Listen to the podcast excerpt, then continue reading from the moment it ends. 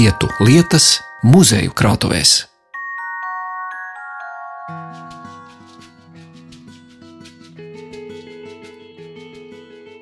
Mūsu plosti lielākoties gāja tikai līdz Daugaupilī. Braucām cauri visām krācēm, atpakaļ braucām ar vilcienu līdz Indrai. Braucām ņemot līdzi kartupeļus, gaļu un siļķes. Ugunskura kurinājām tieši uz plosta, tur arī gulējām. Tā 1990. gadā Daugavas muzeja darbinieki pierakstīja Valentīna Sermula atmiņas par plosnieka gaitām Latvijas pirmās brīvvalsts laikā. Amats ir zudis, bet atmiņas un liecības par plosniekiem lūkosim Dolas salā esošajā Daugavas muzejā. Tur arī skatīsim staburaga klints gabaliņu, uzklausīsim stāstus, kā Hesa būvniecība mainīja ne tikai Daugavas apkārtnes ainavu, bet arī cilvēku dzīves, un uzzināsim, ko plosnieka profesijā nozīmēja vārds malacis. Daugavas muzeja galvenā krājuma glabātāja Laina Johansone atsevišķā telpā uz gara galda ir izvietojusi priekšmetus, par kuriem tiks runāts šajā raidījumā. Tas garākais ir koka kārts ar ķeksi galā, un līdzās kārtī tumšas metāla micītes. Plosnieka amats ir viens no senākajiem Daugavas krastos esošajiem amatiem, ko tieši šie Daugavas krasta apdzīvotāji nodarbojušies. Un, uh, viņš arī tāds nu, visvairāk palicis teiksim, tā sentimentālā atmiņā par Daugavas vēsturi. Jo, kā zināms, šis ir no tiem amatiem, kas ir principā izzudis vispār pēc Hesu kaskādas izbūves uz Daugavas ūdeņiem. Un līdz ar to esošie priekšmeti, kas ir saistīti tieši ar plosnieku amatu un viņa darbību Daugavas krastos, ir atrodami kolekcijās, glabājas Daugavas muzejā. Un es skatos uz garu koka mietu Jā. ar āķi galā. Metālu. Jā, tas ir ķeksis, ar kuru plosnieki ar šiem baļķiem arī darbojās. Ja baļķi, respektīvi, tiek noripināt lejā uz auga, un tad ķeksi varēja viņus vieglāk novirzīt, kur tas bija nepieciešams. Oh, par to arī vēstīja šī fotografija, kur mēs redzam pieci vīri, ķeksē, baļķi. Tas ir pagājušā gadsimta kādi 20. gadi. Jā. Jā. 20. gadu vidus šis konkrēti, un tas ir Daugau pie Tomas. Tomas pagasts, kurā bija arī jā, viena no šīm koku krautuvēm, kur arī šos postus veidoja. Vēl tādi pāris rīki, kas ir mērīgs. Un arī plostā arkla mīces, kuras var parādīt ļoti dažādas. Plosta arkla mīces. Tā arklas ir tas, kas palīdz plostu viņa virzību uz krastu. Ja viņam vajag piestāt, tad ar arklu regulē plosta virzību. Garš eglis koka kāds, kura galā tiek apsists ar metālu, lai koks nebojātos. Bet uh, interesantais tas, ka mums viņi ļoti dažādi izmēri un, un arī Piemēram, ja posts bija 70 metru garš, mums arī šāda maza eh, posta micīte ir. Un, eh, un tad, jā, liekas tā interesanti. Acīm redzot, varēja arī ar šādu mazāku arklu tikt galā. Nu, tā kā tādas rūķu mītas, jā, metāla konusi. Jā, jā. Netālu no cibuku mājām krāces vieta redzama esot sausākās vasarās. Ja garām peldējuši no plostiem attirušie baļķi, pa kluso ir vilkuši ārā, kaut arī aizliedzis tā īsti neviens nebija. Reizēm apstājušies plosti pie Dienaburgas pilskalna. Īpašas piesiešanas vietas nav bijušas, bet tās plostnieki ir izvēlējušies paši, skatoties pēc ūdens līmeņa. Apstājušies parasti labajā krastā uz nakšņošanu mājās negājuši, gulējuši uz plosta.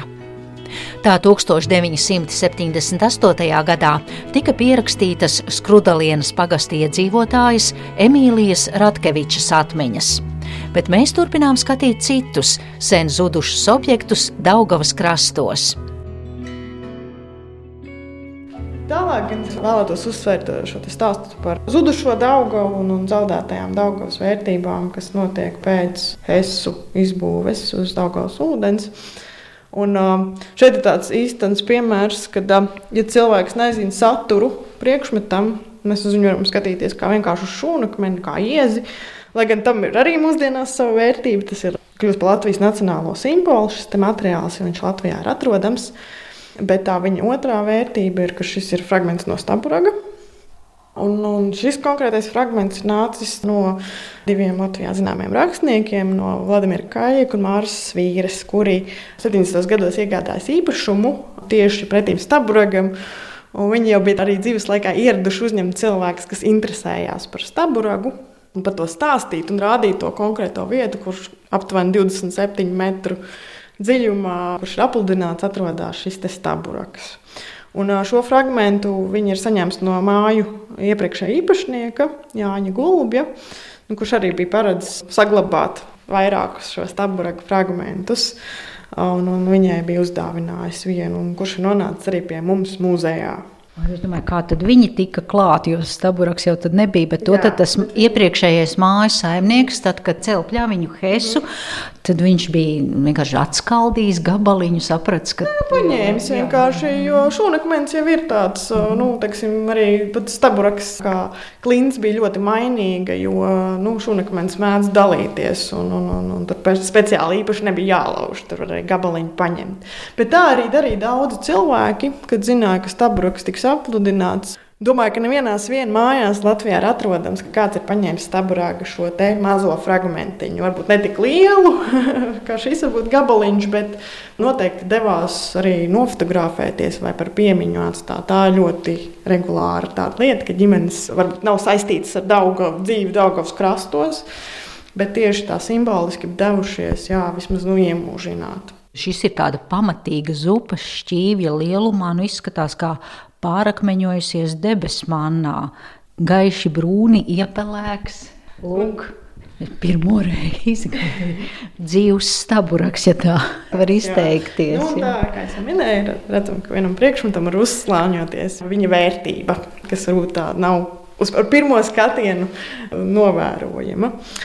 Vēl tāda būtiska grupa, ko Daugavas muzejs savā kolekcijā uztur, tā ir glezniecības darbi. Šeit fonā jums Konrāda Ubāna darbs Pērsijas ūdenskritums. Kāpēc glezniecība ir interesanta arī Daugavas kontekstā un šīs zudušās Daugavas kontekstā?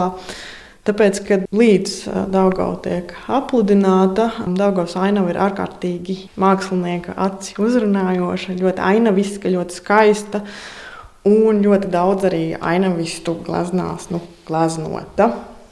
Un Daugavas muzeja kolekcijā ir arī valda kalnrozes Ugas skulmes darbi, Jurģis skulmes darbi un, un arī daudzos citos Latvijas mākslas muzejos mēs varam atrast gleznotu Daugavu, tās senleju, pašu staburagu un Tad, kad šis posms beidzās, šī ainava paiet zem ūdens, tad principā ļoti diametrāli Daugava pazūda no šīs ainavu glezniecības. Protams, mūsdienās šādi un tad ir pie mums bijis mākslinieki izstāde, kas runā par šo tēmu un nu, kaut ko uzglezno mūsdienu Daugavas ainavas, bet ne tik populāri, kā tas bija šajā posmā pirms Daugava tiek apludināta. Tad nu, šajā gleznā arī ir dokumentēta izzudusi. Jā, šeit, skats, jā. šeit jau arī jā, kāds ietekmē blakus esošo upi. Tā ir Pērsas upe, kas arī bija slavena ar to, ka bija ļoti krāšņaina un šis skaistais ūdenskritums. Viņš teica, viņš ir mazliet tikai vienā vietā iezīmējis, bet arī daudz, kur mēs mūsdienās redzam publicētu šīs fotogrāfijas no tā, kā izskatījās Pērsas ūdenskritums. Piebildīšu, ka, kā jau ierasts, radio interneta mājaslapā pie šī raidījuma apraksta var arī aplūkot šo Konrāda Ubāna gleznu, kur redzama saules pielieta ainava, pērses upe un kokiem noauguši krasti. Līdzās šim harmoniskās noskaņas piepildītajām darbām Laina Johansone ir novietojusi divas melnbaltas fotogrāfijas ar dramatisku skatu. Tukša mūra māja ar liesmu pārņemtu jumtu un nozāģētiem kokiem. Šis ir patiesībā liels retums, jo šī fotografija dokumentē ēku likvidēšanu pirms apludināšanas. Konkrētais notikums ir um, salaspēlī ceriņu māju sagatavošana nojaukšanai un tiek sadedzināts koka konstrukcijas. Arī blakus esošie koki tiek nozāģēti. Nu, jā, šādu fotodokumentēšanu nebija īsti atļauta. Jā, ir uzņēmis Eriks Vītols šīs divas fotogrāfijas. Viņas salīdzinoši ir reti pieejamas. Bet daudz cilvēku, kas to pieredzēja, ir atstājuši savas atmiņas. Jā, viņiem tas saistās ar tādu šaušalīgu skatu, kā tiek nozāģēti simtgadīgi koki. Šī arī tā ļoti senā apbūve, jo Daugavas leitecē cilvēki jau dzīvoja gadsimtiem ilgi. Nu, ko tas nozīmē zaudēt šīs savas mājas, kas ir iekoptas, uzturētas? Protams, pretīm jau tika izsniegts vai nu dzīvoklīds, vai bija arī kaut kāda kompensācija, bet tā nesedza noteikti šos īpašumus un šo mantojumu, kas cilvēkiem bija. Un nereti māju nosaukumi bija arī cilvēku uzvārdi. Latvijā cilvēku mājas ir principā tas, kas esmu es. Un, un šis arī bija tāds savā ziņā padomju varai veids, arī kā ietekmēt cilvēkus, viņu emocijas. Un, Šeit, Daugaus Leitecē, no Ogres rajona līdz pat Rīgai, šādi īpašumi ir aptuveni 180, kas iet bojā un mūsdienās atrodas zem Daugavas ūdens līmeņa. Atņemta daļa no identitātes ģimenēm. Mm -hmm. Tā fotografija tiešām uzdzen šermuļus, melnbalts attēls. Mēs redzam senu mūra vai ķieģeļu māju, un viss jumts ir liesmās, un blakus ir milzīgi. Pēc izmēra var redzēt, jā, nozāģēti koki. Māja ir bez, jā, bez logiem, bez durvīm. Tad Visi jau cilvēki, visu savu iedzīvi jau ir izvākuši. Un uh, konkrēti arī pļaviņas gadījumā pļaviņas tiek uzbūvēts tādā ļoti lielā ātrumā. Tur var runāt par vairākiem šiem aspektiem. Viens no tiem ir, protams, elektrifikācijas plāns bija jāizpild. Un ir skaidrs, ka uz Daugaus heisus būvētu arī, ja nebūtu padomju okupācija, jo Daugavai ir šis elektroenerģijas potenciāls. Tikai Jautājums, uz ko mēs neiegūsim atbildi nekad, kā tas būtu īstenojies Latvijas laikā. Varbūt, ja? Jo, piemēram, ķekuma heiss, kas ir vecākais heiss Latvijā, un būvēts vēl kā ļulmaņa laikos, viņš bija paredzēts ar iespēju gar vienu malu teiksim, izbraukt cauri. Pēc tam padomju okupācijas periodā būvētās hidroelektrostācijas ir tādas, kas nobloķē visu ūdens ceļu. Un saistībā ar pļaviņu heisu Tur ir jā, šis sāpīgais jautājums par uh, staburagu. Un, un ļoti daudz tie viedokļi ir cilvēki, jā, kas vienmēr aizstāvēs šo skaisto Dāngavas senleju, vai par spīti tam dzīvosim bez elektrības, bet lai tikai paliek šīs vērtības. Atkal ir otra puse - inženieri, piemēram, kas strādāja pie pļaviņas, kas uzskatīja, ka nu, ekonomikai bija jāiet uz priekšu. Ka reizēm šis tabureks ir kanonizēts un, un varbūt tā kā jā, nedaudz arī pārspīlēta varbūt tā nozīme, jo daudz kur pasaulē pat tiek apludinātas vairāku gadsimtu senas pilsētas tieši šī iemesla dēļ. Arī tādi viedokļi ir. Un tad pa vidu arī mums vēsturnieks Mārtiņš Mintaurs, savulaik pētot dokumentus, piefiksējis, ka Arī 50. gadu beigās cilvēki patiesībā bija organizējuši nu, tādas kā protestus un parakstu vākšanu. Par šo skaļāk netika runāts tolaik. Un tad, kad par Latvijas komunistiskās partijas centrālās komitejas galveno sekretāru kļuva Arvīts Pēluša, nu, tad viņam tieši šis uzdevums to pļaujiņu heisa projektu īstenot ātri. Un tāda, kā viņš ir uzrakstīts, bija pilnīgi tāds pašmērķis. Un arī bieži vien propagandā tika izmantot šis te, jā, lai, nu, šie te, lai novērstu šos buržuāzistiski un nacionālistiski domājošo cilvēku rīcību un, un lai augtu komunistiskā jā, jā, valsts un, un darbs. Un tāpēc šis viss process notiek ātrumā, kad cilvēki ir nu, diezgan šokēti, jā, ka tās mājas tiek jauktas nost, koki zāģēti, tilti spridzināti arī pastāvēja uzskats, ka neļāva dedzināt, bet nu, laika dēļ koku konstrukcijas sāka dedzināt, jo tā vienkārši bija ātrāk. Bet cilvēki, kas ir atsliecinieki, visbiežāk kaimiņi, kurus varbūt neskāra apludināšana, nu, to atcerās jā, ar lielām šausmām. Un, un, protams, ja cilvēks bija vecāks gados, tad viņam tā bija tā tiešām uz mūžu trauma un ko viņam nozīmēja, ja tev piešķir dzīvokli. Tas bija cilvēks, kurš strādāja saimniecībā, ja, kuram bija kaut kāda nodarbošanās vai saistībā ar zvejniecību, piemēram. Viņam tas dzīvoklis ir tāds kā cietums, teiksim tā. Tā nozīme tam mājām bija tiešām ļoti liela. Un uh, Daugavas muzeja teritorijā pirms kādiem gadiem, pieciem, atklāja piemiņas akmeņus šīm apludinātajām mājām. Kā teica krājuma glabātāja, tad līdztekus mājvietām Rīgas Hess celtniecības gaitā laika posmā no 1966.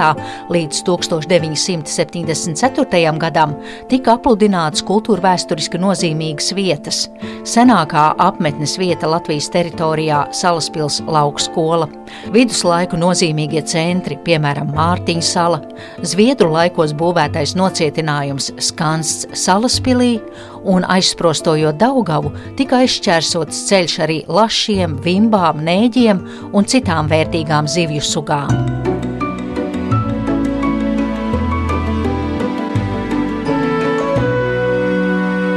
Vietu lietas. Smoļenskieši plostus pludināja līdz Rīgai, pludināja priedes un egles bāļķus. Uz viena plosta atradās divi cilvēki To, kas stāvēja priekšā, sauca par korņiku. Savā starpā plostus sastiprināja ar saitēm, kas izgatavotas no izplaucētām kārklu rīkstēm.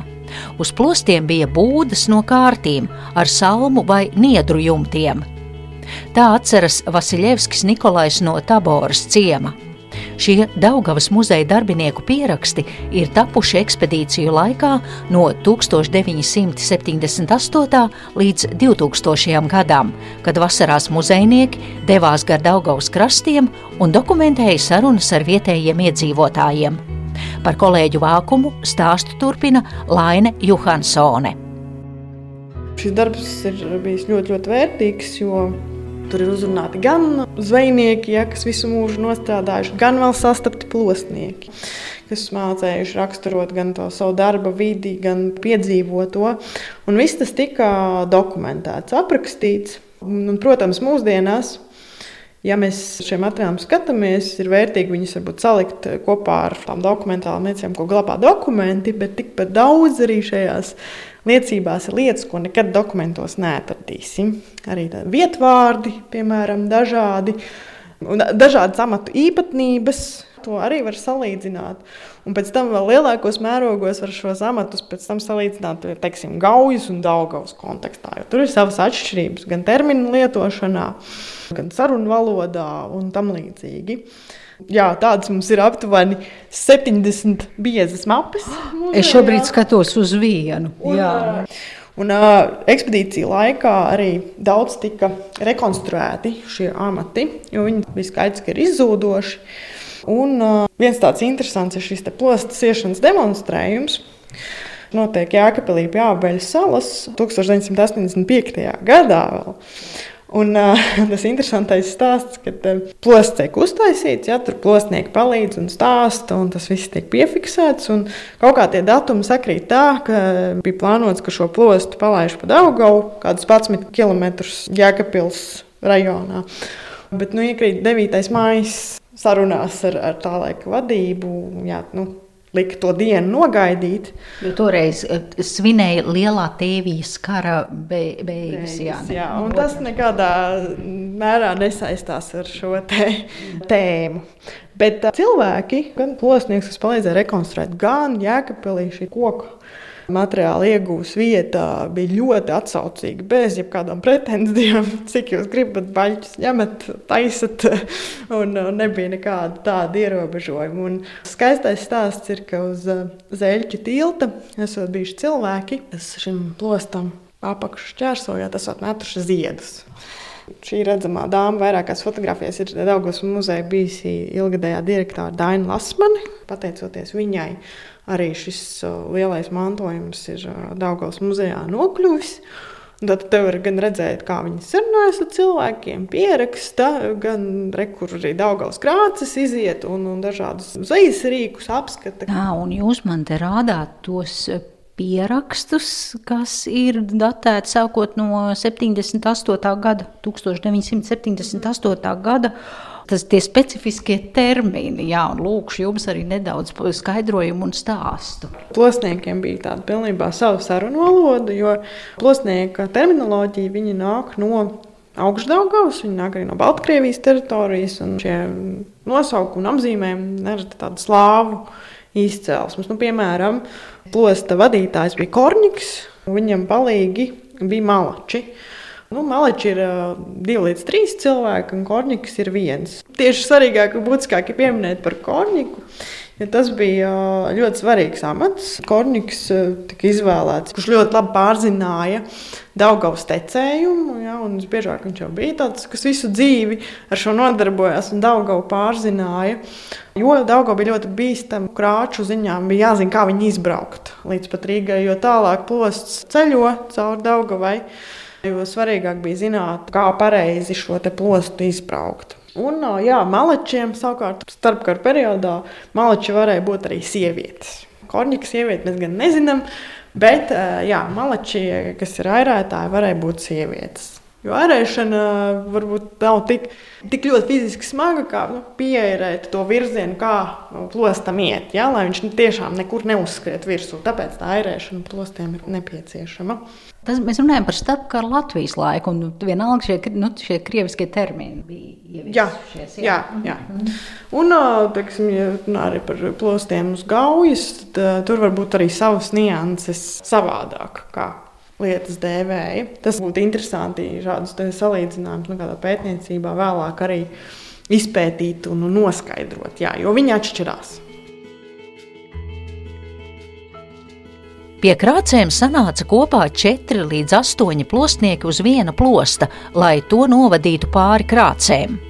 Pie krustpils pāri krācēm veda vietējie plosnieki par samaksu, Ja sajuka plosts, tad par pazaudētajiem baļķiem maksāja pats karavānas vadonis jeb karavānšķiks.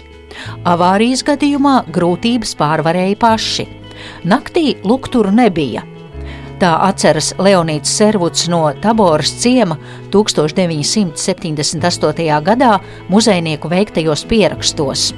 Un turpinot lūkot Daugavas muzeja kolekciju, Laina Johansone norāda uz fotografijām, kur ekspedīcijās ir fiksēti vietējie Daugavas krastu iedzīvotāji.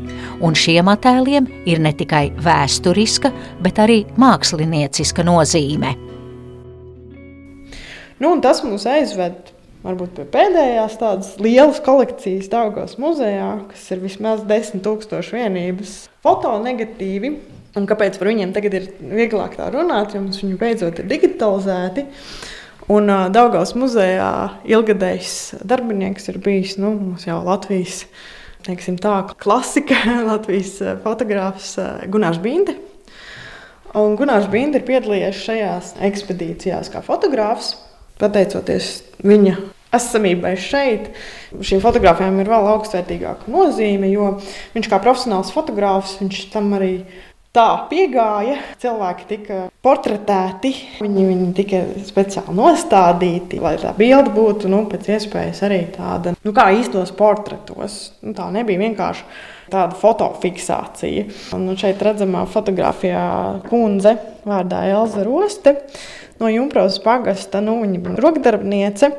Tad viņš jau viņu ar visu viņas rokdarbiem izšuva to blūzi un, un segu, nosēdināja viņas dārzā, lai uzņemtu skaistu fotografiju, kurā redzama pati autore un viņas izaustā sēga. Nu, tajā pašā laikā blakus esošajā fotografijā redzams arī zvejnieks. Kārlis Velde, kurš sēž uz laivas Daugaus krastā, tieši pie savām mājām. Un fonā viņam ir Daugava. Vairāk ir jāuzsver arī melnbaltā fotografija, jo Gunārs Binde vienmēr ir uzsvēris, ka Tieši viņa fotomākslā melnbaltajam ir eh, daudz lielāka nozīme nekā krāsainiem. Tas arī izpaužās mums šeit, muzeja kolekcijā, kas no viņa ir palikusi. Mums ļoti, ļoti daudz tieši melnbaltie eh, fotomateriāli. Pilnīgi nu, noskaņa ir jūtama. Nu, sirmais kungs ar papirosu pirkstos, jā, sēž un skatās Daugavā. Nonēsētā kreklā, naģēna galvā. Jā. Kādi viņi bija? Tādi, jā. Bet, uh, bet viņas ieliekot tajā fotografijā tā dzīvi, un, mm. uh, un, un, un tas ir tiešām to dvēseli. Parāda to dvēseli, jā, mm. tieši tā. Saku paldies Daugavas muzeja galvenajai krājuma glabātājai Lainai Johansonai par šo stāstu, un raidījumu veidoja Zane Lāce Baltalksne. Vietu lietas.